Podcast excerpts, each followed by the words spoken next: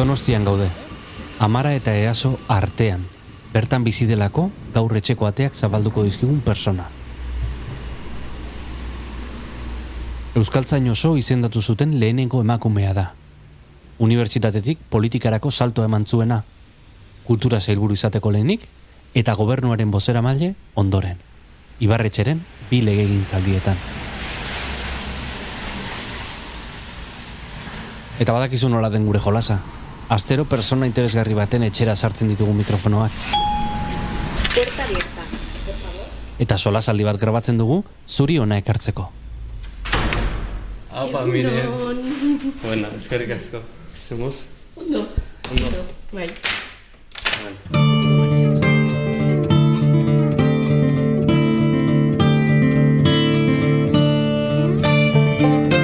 Gaur barruan gauden, miren azkarateren etxean sartuko gara. Nolakoak diren gauzak nik ez dakit, e, gizonezko bozera maile batek zekezka dauzkan. Baina mm, hori oso argi utzi zidaten, astero e, makilatu e, egin behar nuen, ikusten duzu nik normalean zen makillaje dara madan, ez errez. E, prensaurrekoak ematera atera aurretik, e, bueno, apegizuloak estaltzen saiatu, e, kolore pixka bat eman, e, begiak pixka bat pintatu, horrelako gauzak, espanak, ez da izer, eta pelukeriera joan bertzan.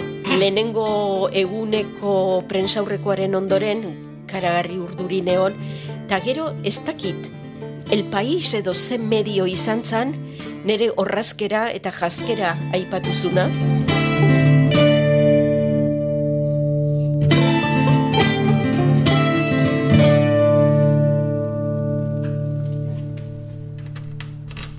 Antxo jakituna. Bai. Etxeko sarreran bertan dago egongela zabala. Eta leioek antxo jakitunaren kalera ematen dute. Bueno, ez zaude leku txarrean ere. Ez, ez, baterez, baterez. Horretan ere privilegiatua gara. Bai, Hemen eta etxe erosoa daukagu, bueno. eta horrela begiratzeko. Balkutxu bat falta zaio, uixi. Txip Ja, perfektu ja, ez da existitzen da. Hemen horrela begira Landare joteko. batzuk eukitzeko. E, bai, eta batez ere kanpora atera eta horrela bistak gozatzeko. Hume, konfinamenduan eskertuko zen hori, eh? Atzean badaukagu, baina patiora ematen duna, eta nola nahi ere e, etxe altua izatean orduak pasan nitunan. Mm. Eta bazan e, aizea eta eguzkia tartzeko modu bat. Hormetan kuadro ederrak daude. Zumetaren bateren bat, goenagaren besteren bat. Kuadroak asko Zumeta, zumeta bat ikusten dut, ez? Bai, beste batan, hau hizkuntza politikako jendeak opari egin zidan, Aditu. e, utzi genuenean, Bai. eta eta besteak ere, Juan Luis Guenagarenak, beste Abeto. opari bat e, dira, Bueno, arte, arte polita dakazu. ba, larramen direna geuk erositakoa da, e, aspaldi, Bai. hori beste etxetik etorri zen, Bai. eta hauek dira arte derretako museoak emandako lamina batzuk, horrela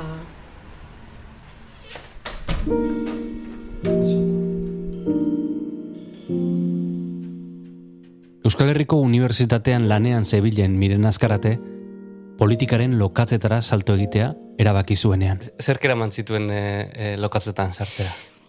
Garai hartan, em, askorentzat behintzat, em, garai hartan bizi genuen ilusio horrek, ezta? E, ni ez nebilen politika munduan, ez nebilen alderdi politikoen inguruan, baneukan nahikoa lan unibertsitatean irakasleen errektore orde izatearekin, e, bi ume txiki, mm, ama ere gaixorik eta asteburutan lagundu beharra, baina oso adi e, jarraitzen nuen e, zer gertatzen ari zen, e, Lizarra Garaziko akordioek sortu zuten esperantza ura, mm, alderdi abertzaleak eta sindikatuak eta nolabait eragileak e, elkartzen ikustea, eta, eta aldi berean beste aldean eman dezagun ikusten zenuen e, BPek eta e, alderdi sozialistak e, nolako e, zera redondo terrerosek eta maior orejak eta nolako erasoa e, zekarten eta horren aurrean 2000 eta bai, bat garren, 2000 garren urtean zer landu, eta 2000 eta bat garren urtean, utxailean izango zen ikuste, e, kursalen egin zen e, ekitaldi ura, nolabait alderdi politikoen konpromisoa eta hmm. e, e, sinatu eta adosteko. Maior orejak, ekonomiari buruz, pakeari buruz, autogobernuari buruz, ongizateari buruz, eztabaidatu nahi baldin badu, hemen nauka. Prez nago.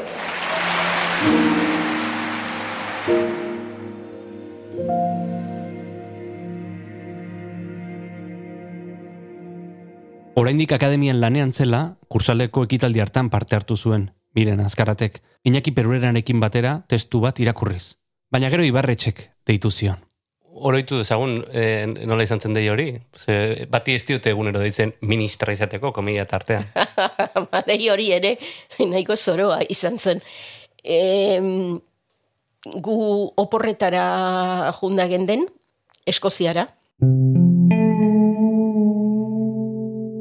Eta, eta nik egia esan, e, iluntzitan ordu batetik aurrera e, eskuko telefonoa itzali egiten nuen, eta tegit, ma bi amairu eguneko oporraldia bukatu, eta ez da, nun pasako genuen e, azkenengo gaua, handik Edinburgoko aireportura bidian urruti margen den, eta erdibidean gelditu ginen nahiko mendi artean zegoen hmm. lotx hoietako baten.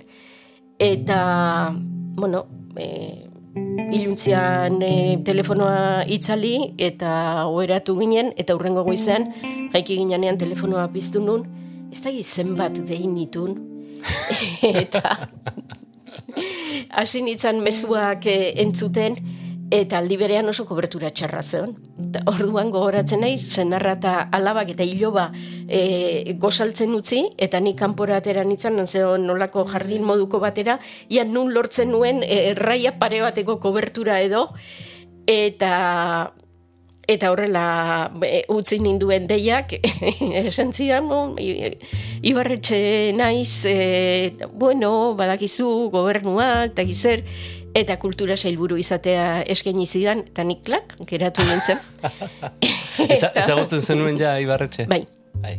Asko ez, bai. baina, baina bai, e, lendakari orde izan azan, eta bai, e, ikusitan neukan, e, azkenengo kursaleko ekitaldian.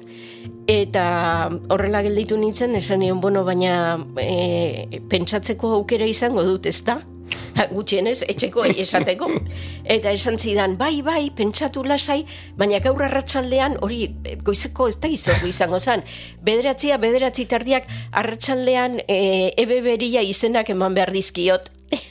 Denbora kasu baino oso gutxi. Eta, esan zidan, bai, gauza hauek ez dira normalean horrela izaten, ba, e, normalean ba, elkartu aurrez aurre egin, baina horrela da. Aizu premonitorioa da beste, bestalde, ibarretxen dia Eskozian jasotzea. Baita ere, baita ere, bai jauna horrela ikusita, bai, bai, bai. Eta orduan, e, gogoratzen naiz, aireportura bidean, etxekoekin, sekulako sustuan egan, esaten un, ezin diote bai etxesan, eta zenarrak esatezian ezin diozu ez etxesan.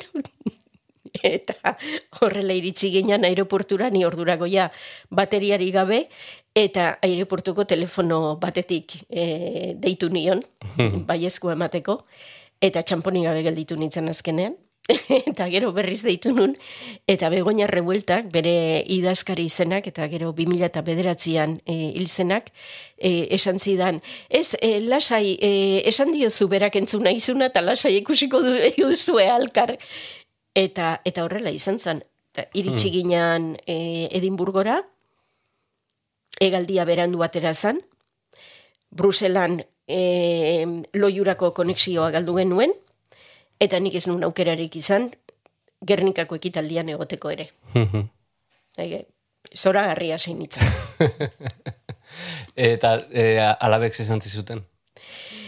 E, nik esango nuk etzeudela oso oso pozik, entzuten zutenean, ez, baina ez da gizer, eta esaten zut, aita pautzi nahi du egin dezala.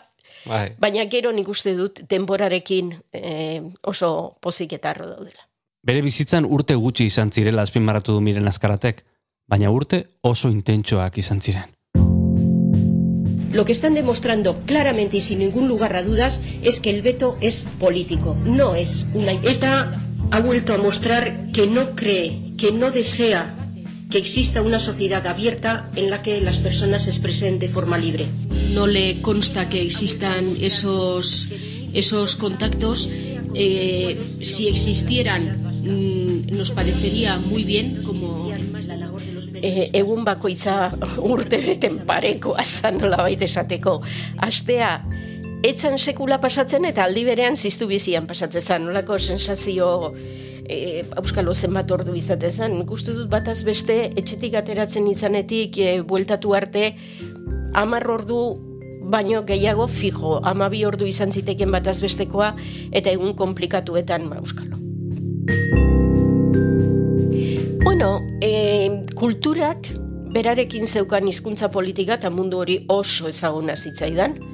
Beraz, horrek, nik uste dut horrek berak animatu ninduela, kulturaren munduan ez kulturaren kudeaketan, baina kultura mundua ere oso gertukoa zitzaidan, eta gero e, gazteriarena, bueno, e, etxean baditut bilalaban erabe eta inguruan lagunak eta zenbait gauza behintzat pentsatzen nuen, bueno, eta banekien e, plan batzuk eta bazirela hor, eta gero behar bada arrotzena kirola. Mhm. Gure e, alabak maitek, e, esatezun, e, lendakaria nik uste dut ez dula oso ondo pentsatu zuri kirola eskaini aurretik. Baina, bueno, e, batez beste horrek etzidan horren besteko e, beldurrik ematen ez dakit. Gero ordea, gobernuaren bozera maile izatea tokatu zitzaion, eta hori beste kontu bada.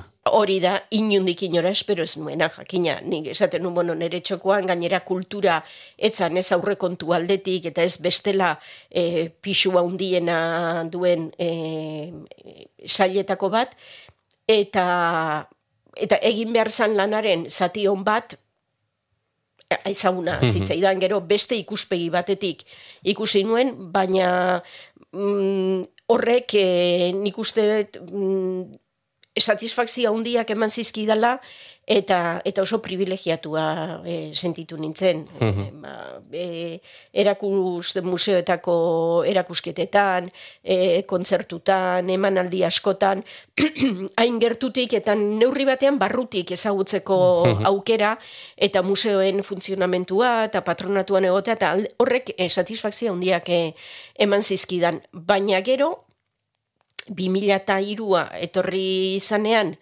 eta Josu Jon Imazek esan zunean, e, EBB nauteskundetara aurkeztuko zala, e, orduan etorri izan, e, bueno, beste bozera maile bat behartzuen gobernuak, eta nik horrela begiratzen nun. Lengo gunean, ari ginen, aizpak ekarri ziren gure bilobei e, asteriz e, eta galiarrak Bai. eta lehenengo pelikula ura eta e, voluntario bat behar da eta ikusten dituzu erromatar legionarioak horrela, ez da? Panik horrela egiten nuen, eta koldor dozgoitik e, egun baten esan zidan, realista izan behar duzu, ez, dauka, ez dago beste aukerarik. Begiratu han inguruan, e, ze euskera maila behar dan honetarako, eta eta aukera bakarra izan ziteken e, idoia zen arruzabetia lehendakari ordea, al lehendakari orde batek ezin du horrelako ardurarik hartu, orduan ez dago beste aukerarik, eta eta gogoratzen naiz orduan ere Ibarretxe lendakariak e, esan zidan joateko lendakaritzara eta berarekin elkartzera.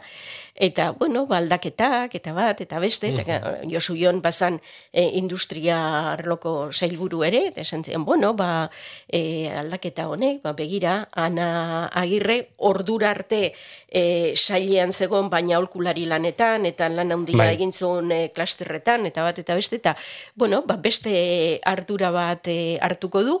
E, eta eta zu bozera maile, eta galdeture etzere etzidan egin nahi duzu ala ez duzu, da esan un, ah, bale, aurrekoan lau bat ordu izan nitun pentsatzeko gora ingoan ez ere ez. Baina, bueno. Konfiantza, ez? Konfiantza egiten Egia esan oso, oso harreman ona e, izan nuen, eta dut, oraindik ere ibarretxerekin, baina oso oso erreza izan zan, konfiantza handikoa, e, oso oroitzapen ona daukat alderdi horretatik. Mhm. En, izan ere bilatzen egon naiz, ez? E, zure izena bizenak, besteak beste berze topatzen nuen, ez? Bakizu internet horrelakoa da, kapritxosoa. Bai, bai, bai, bai. Eta gehien agertzen dena da, el gobierno vasco dice, el, la portavoz del gobierno vasco dice, Bai. miren azkarate dice. Bai, ez? bai, bai, bai. Ez, e, orduan, eta gainera hasieran horretan ere e, gogoratzen naiz lehenengo gunean, nolakoak diren gauzak nik ez dakit, e, gizonezko bozera maile batek zekezka dauzkan. Baina hori oso argi utzi zidaten, astero e, makilatu e, egin behar nuen, ikusten duzu nik normalean zen makilate dara madan, ez errez. E, prensaurrekoak ematera atera aurretik, e, bueno, ba, begizuloak estaltzen saiatu, e, kolore pixka bat eman, e, begiak pixka bat pintatu, horrelako gauzak, espanak, ez da izer, eta pelukeriera joan bertzan. Derrigor? Ia, ia. Bai, bai, derrigor. Binge, bingeni galdetuko diogu eh, orain ere hori. E, bai, seguru nago. Orduan, e, kontutako bat zan, bueno, mm, behar ziran e, pare bat edo segurtasun kontuengatik e, gutxi gora bera eta e, zerera e, lehenengo gobernu kontseiluaren bilerara jun eta gero e, prensaurrekoa emateko, ba, bazenekin gutxi gora bera zer dutan jun behar zinun pelukerira, eta aste artea bertzun. Eta oso argi neukan erregeletako bat zan, segurtasunagatik ezin zirela e, orduak eta lekuak eta errepikatu, aldatu egin behar zan. Orduan, bueno, pare bat pelukeri aurkitu zizkioten, gara unik gazte izen ez dugan inolako referentziek, eta han e, moldatzen izan batzutan batera, besteetan bestera, bueno, pixka bat e, horrela. Eta e, lehenengo eguneko prensaurrekoaren ondoren, karagarri urduri neon, eta gero ez dakit, el país edo zen medio izan zan, nire horrazkera eta jaskera aipatuzuna, Ara. Eta, bueno, e, ikusten zala pixka bat urduri neola, baina lortu nula e, oso ondo egin nula. Eta esan nu, bueno, tira. Eta orduan, mm, bueno, datorren aste artera arte.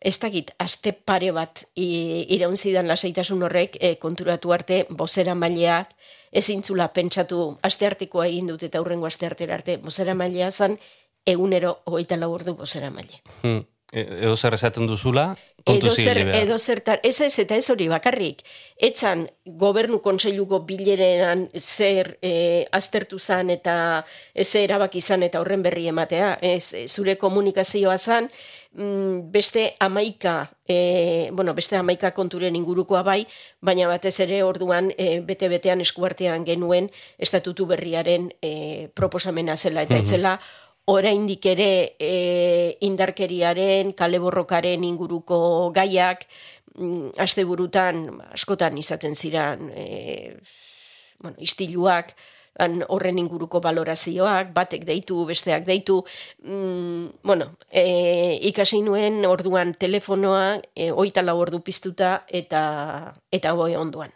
Hmm. Esan dugu intensoa izan zela, besteak beste, e, estatutu berriaren proposamena egontzelako mai gainean. Bai? Eta e, ondoren onartu- konsulta legea. Hori da, onartu zelako eta kongresura emantzelako. Mhm. E, nola bizi izan zenuen hori dena, eh? Ze, ze izan zen gauza bat, e, e, agenda asko markatu zuena, Bai, era bat, nik izango nuke hori izan zela gai nagusia, orduan batetik izan barruan estatutu berriaren atalak eta komunikazioa eta e, pixka bat aztertzeko eta e, genuen taldetxoan egiten ziren bilerak, eta gero horren inguruko komunikazioa.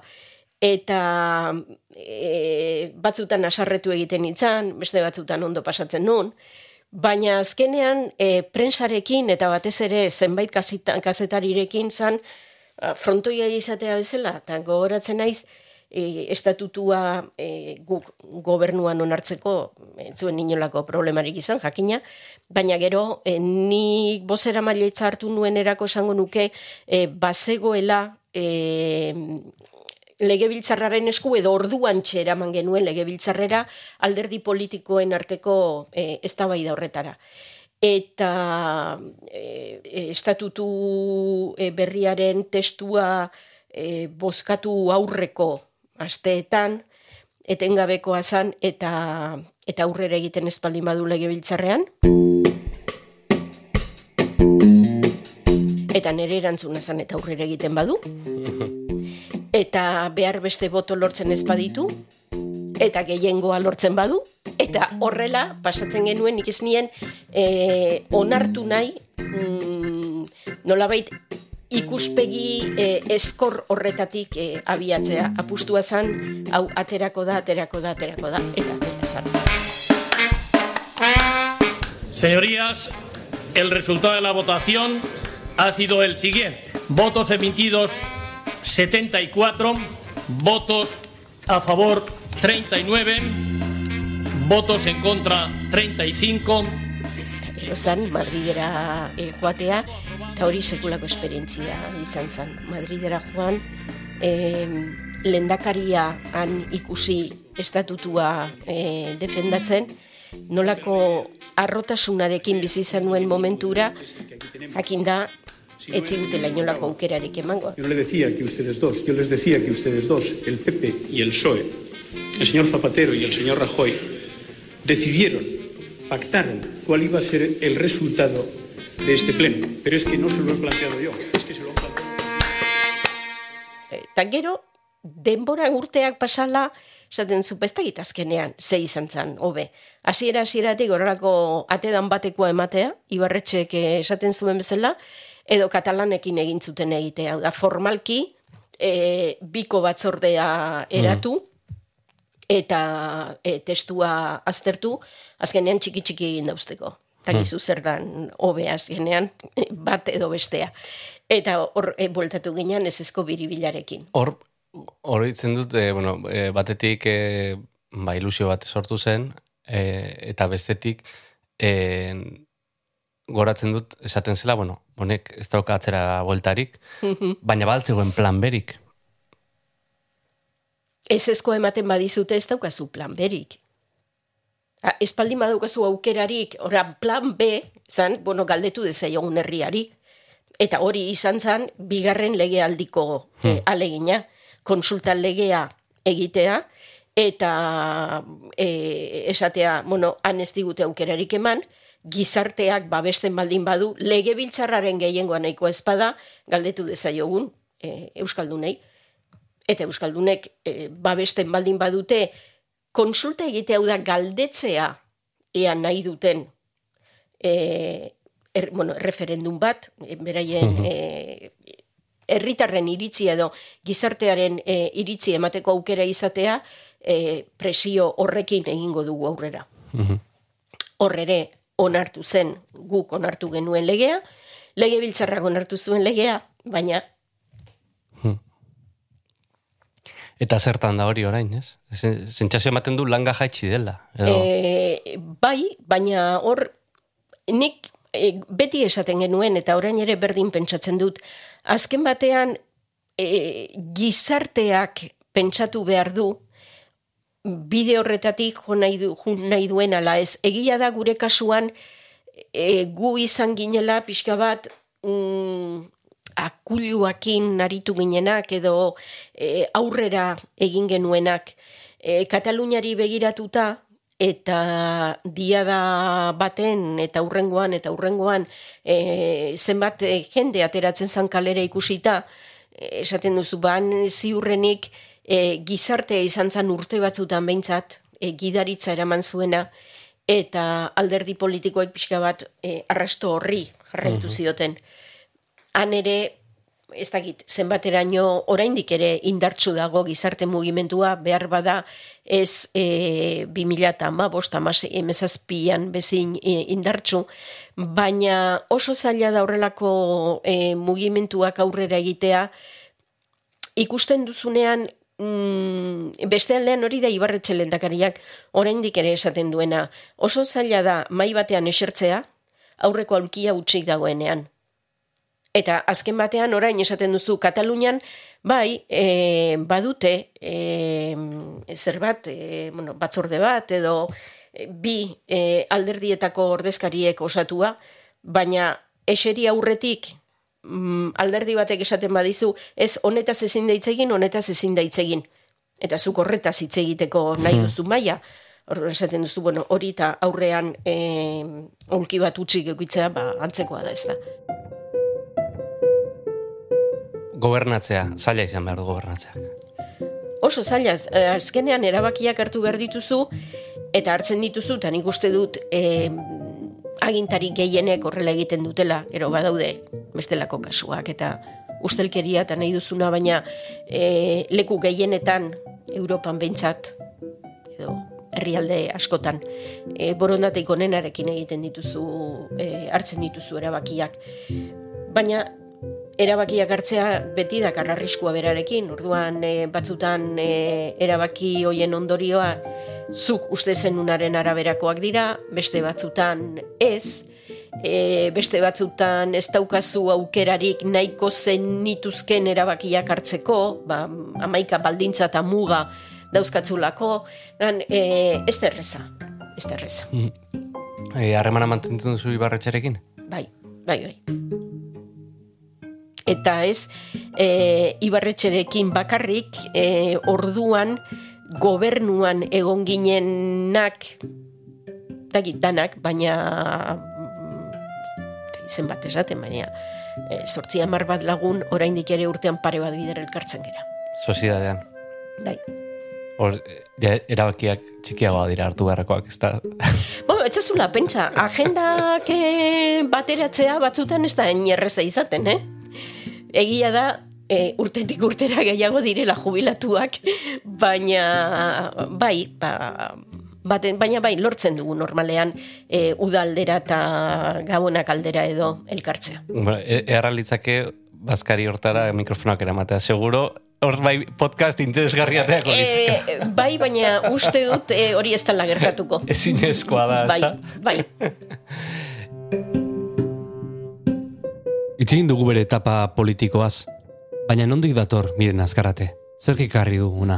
Kontua baldin bada nondik natorren jakitea edo e, zerk ekarri nauen e, ekarri nauen lekura nik esango nuke honen hasia etxean dagola e, gurasoen gan eta, eta batez ere gurekin bizizan e, osabaren gan. Oso oso familia bertzalea. E, donostian Euskaldun izatea hain erreza etzan urtetan. Oso garbi e, erakutsi ziguten eta oso modu naturalean Euskalduna ginela, gure hizkuntza Euskara zala, eta gure kultura Euskal kultura zala. E, gure etxean aitak e, kriseilu, etor, lur, orduko argitaletxeek argitaratze zuten guztia. Hmm. erosten zuen, hasieran e, ez ginean e, guga irakurtzeko, baina liburu horiek etxean ikusi genituen beti, e, Michel Abegeriren lehenengo kantaiek e, bestaldera pasa eta izkutuan ekarri eta aurtso aurtsoa eta hmm e, asieratik entzuten genituen etxean, e, ez toka mairuren e, kontzertutara, eta Victoria Eugeniara eta e, beti eramaten gintuzten, osabak e, bertsolaria kantatzen zutenean inguruko auzotan eta eramaten gintuen. Mm, giro, giroa zen duten, ez? Bai, bai, eta gero, e, Kataluniatik Barraimon eta Guillermina Mota eta etorri zirenean eta kursalen kantatu zutenean ere e, anginan eta gogoratzen naiz barruan jentea liberta, liberta eta kanpoan grisak zain.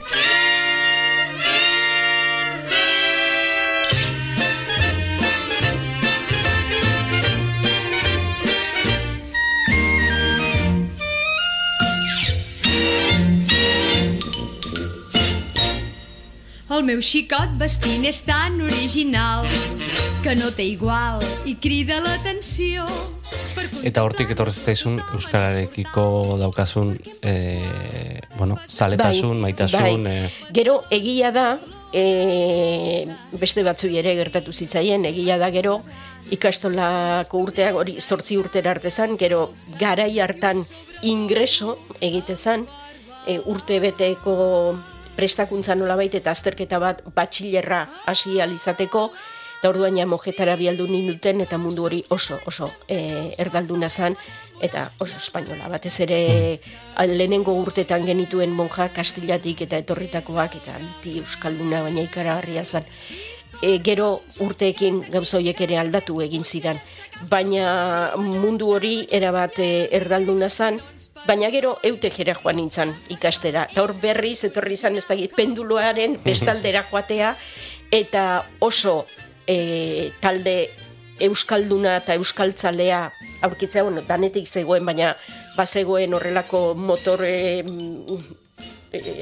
sendo bat nolabait esateko, ba, Josean Elosegi eta Koldo Izagirre eta hoiek eta e, Ramon Etxezarreta eta promozio berekoa gera, eta e, patxi altunare e, antzegoen, eta orduan izan zen, e, irurogeita amaika amabi ikasturtea izango zen, eta, bueno, e, edo amabi amairu ez dakit. Bai. E, baina orduan txe euskara batuaren, aditz batuaren zerak, eta patxi altuna alfabetatze klaseak ematen guri goizeko zortzi terdietan, eta euskaltzen diaren de eredua ateratzea, eta e, etorri berez, etorri izan guztiz euskararen mundura lerratzea. En Pasqual és el tot original, com cal. zure personari lotutako titularretakoa da lehenengo euskaltzaina em, emakumea, Bai. ez? E, eta argazki bat badago ezaguna agertzen zarena, ez? Sotan artean. Bai, E, bai. hori nola izan zen? Ba, hori izan zen, gero hori ere urteekin beste modu batera baloratzen duzu. Baina hasieran gogoratzen naiz, No, no, patxi altunak esan zidan, urrengo e, barandiaran iltzanean, zu aurkeztuko zaitugu, eta nik egia esan ordurako urteak nera matzan euskaltzen dian lanean. Hasieran Xavier Mendigurenek, e, Mendigure berezi hartuk, eraman ninduen, artean irurogeita emezortzi edo emeretzi garren urtea izango zen, orduan bazegon azterketen batzordea. De, or, e, orduan euskaltzen dia zan e, tituluak ematen zituena, jaurlaritza osatu gabe zegon, eta egaren e, antolamendu hori guztia mm, oraindik e- egin gabe. Eta e, nik ordurako baneukan bai de titulua eta bai B titulua ere, eta, eta euskal filologian klaseak ematen hasian nintzen. Orduan, e, irakasle, oi, bueno, aztertzaile izateko horrela hasi nintzen, eta irurogeita emeretzian, Severo Altu beren omenez egindako kongresuan ere, lantxo bat aurkeztu nuen, e, gero gramatika batzordean sartu nintzen, Bai. e, gero lexiko irizpidea finkatzeko batzordean, batzorde horretako idazkari izan nintzen, orduan nahiko, nahiko sartutan nengoen. Eta nik e, ohore haundiz, baina normaltasunez etzan emakumea naiz, ez euskaltzain oso izango naiz, baina, baina berdin zitzaidan gizonezko izan banitz ere, ba, izan zen sekulako, mm, ez, da, ez dut esango iskan bila, baina alako e, kontu bakarra zan lehenengo emakumea, lehenengo emakumea, esaten, bueno, lehenengo emakumea izateaz aparte, beste zerbait ere egingo nuen ba, ez da? Eta Baina esanguratxo bat zen, ze... Ba, eh, ni ez nintzen orduan horretaz jabetu. Hmm. Ez dakit gaztean nintzen, e, beste, beste zer batzutan e, nebilen, mm, ez dakit orduan ez nuen horrela, horrela baluratu. Gero behar badak gehiago e, ulertzen dut.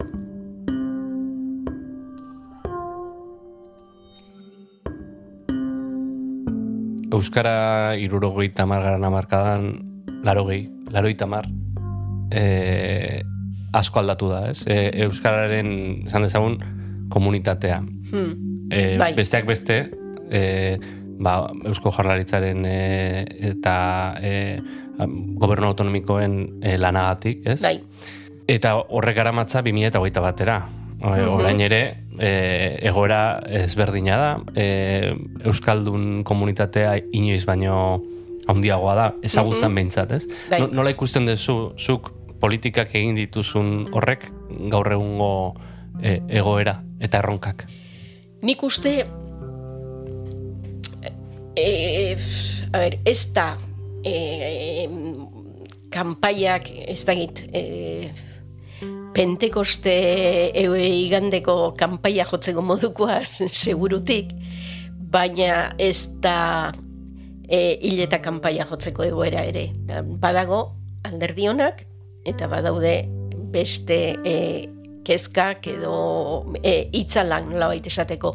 E, batetik ez dago zalantzarik gaur egun euskera erabiltzen da eta gainera kalitatezko euskara e, administrazioan, edabidetan, e, irratian, telebistan esate baterako egindako bidea harrigarria da.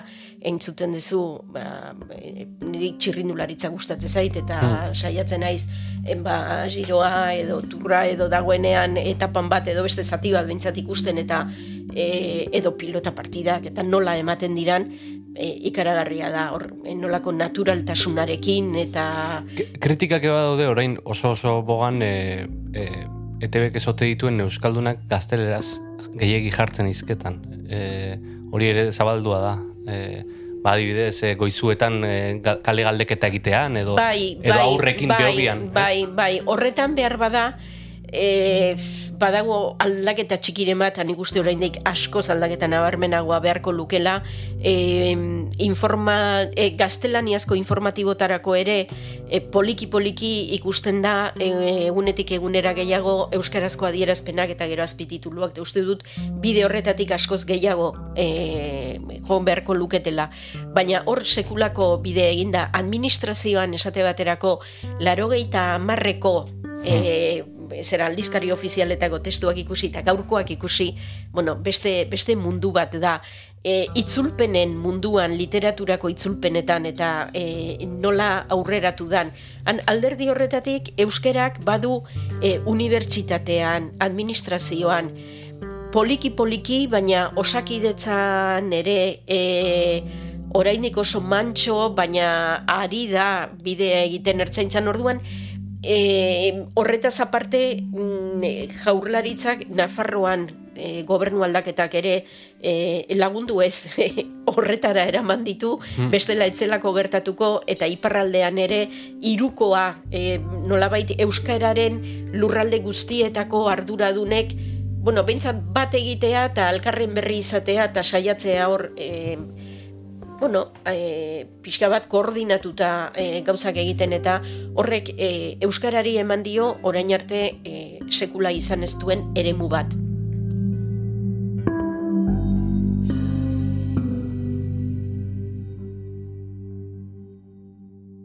Itzulita e, orainera ez dakite e, politikaren mundutik urrunduta hmm. e, zer geratu zaizun ordutik? Zer geratu zaidan e, lagun honak, esperientzia zoragarriak, privilegio sensazio hori alderdi askotatik, horregoteko aukera izan nuelako, horrek e, boixen ere e, bizitzan bestela e, biziko ez nituen e, egoerak bizitzeko aukera eman zidalako, ba, ez dakit, e, orkesta zuzendari ezagunak, haiek ez dian nitaz gogoratuko, baina ni haietaz bai, haiek agurtzeko aukera, e, Europan leku baten eta bestean egoteko aukera, eta, eta gero e, beste errigintza edo nere ez da sentimentua bertzale horretatik, e, bueno, ez genuen lortu nahi genuena, baina hor e, saio bat egintzen, eta askotan esaten dugu, egunen baten itzuliko da, e, urrengo belaunaldiek ala nahi badute. E, Eta aipatzearen, ez? ez seguru e, momentu oso onak eta oso txarrak izan zen dituela, ez? Mhm. Bertan, e, urte apurroietan. E, aukeratu dezagun oso txar bat eta oso on bat.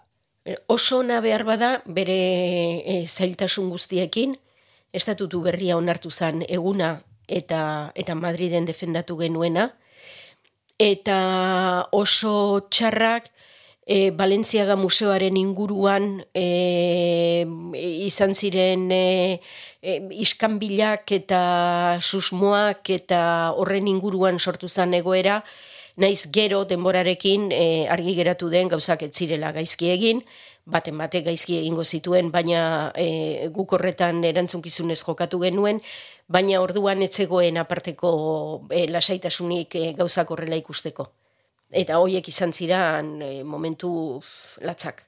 E, e, konbentzituta egon e, erantzukizunez e, jokatu genuela eta nik neuk e, begiratu beharrekoa begiratu hartutako erabakietan e, banitu arrazoiak horrela hartzeko eta mm, ikusten etzegoela e, arrazoi horiek entzuteko aparteko gogorik edo borondaterik.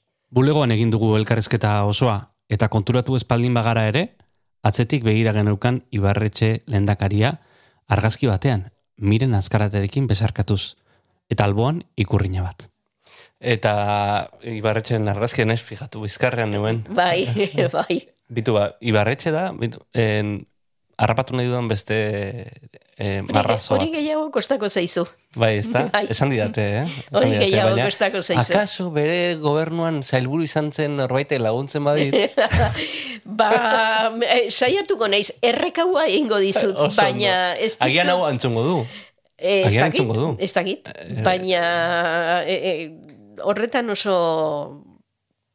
jubilatu zen, bera bere munduan bizi da, eta etarteka bai, ba, orain e, aieteko e, konferentziaren amargarren e, urte urrena dalata, Bai. parte hartu zuen kursalen ekitaldi baten, eta oso tantaka horrelako e, momentum baten azaltzen da, baina oso be, etxea eta familia eta Bai. oso Esan didate, telefo, bere telefonoa jende oso gutxi daukala. ala izango da. Miren, eskerrik asko, etxekoateak saltzeari. Eskerrik asko zuri. Horrela maituko dugu aste honetako barruan gaude, eta aterako gara miren azkarateren etxetik, urrengo astean beste norbaiten etxean sartzeko. Gogoratu astero-astero argitaratzen dugula barruan gaude, edo zein audio plataformatan, eta ITV podcasten, eta arpidetzea gomendatzen dizugula. Alaber gogoratu Twitterren ere gaudela, abildua barruan gaude kontuan, eta gure lagun eta lankide Juan González Andresek Estamos Dentro podcasta egiten duela, saio honen aizpa bikia gaztelaniaz. Besterik ez bezarkada bat, eta horrengo astera arte.